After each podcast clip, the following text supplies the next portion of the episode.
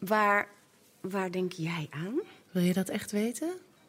Om een houding te geven doe ik net alsof ik de vitrine inkijk... en op zoek ben naar iets dat uh, niet op vlees lijkt.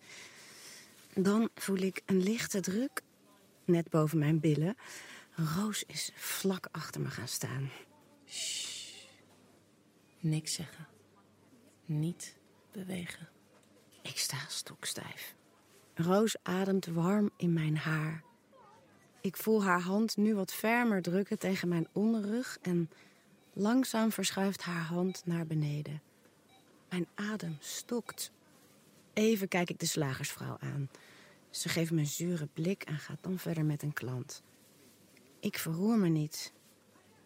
Roos laat haar hand nog wat verder zakken onder mijn jurkje door en ik voel hoe haar vingers de blote huid van mijn bovenbeen raken.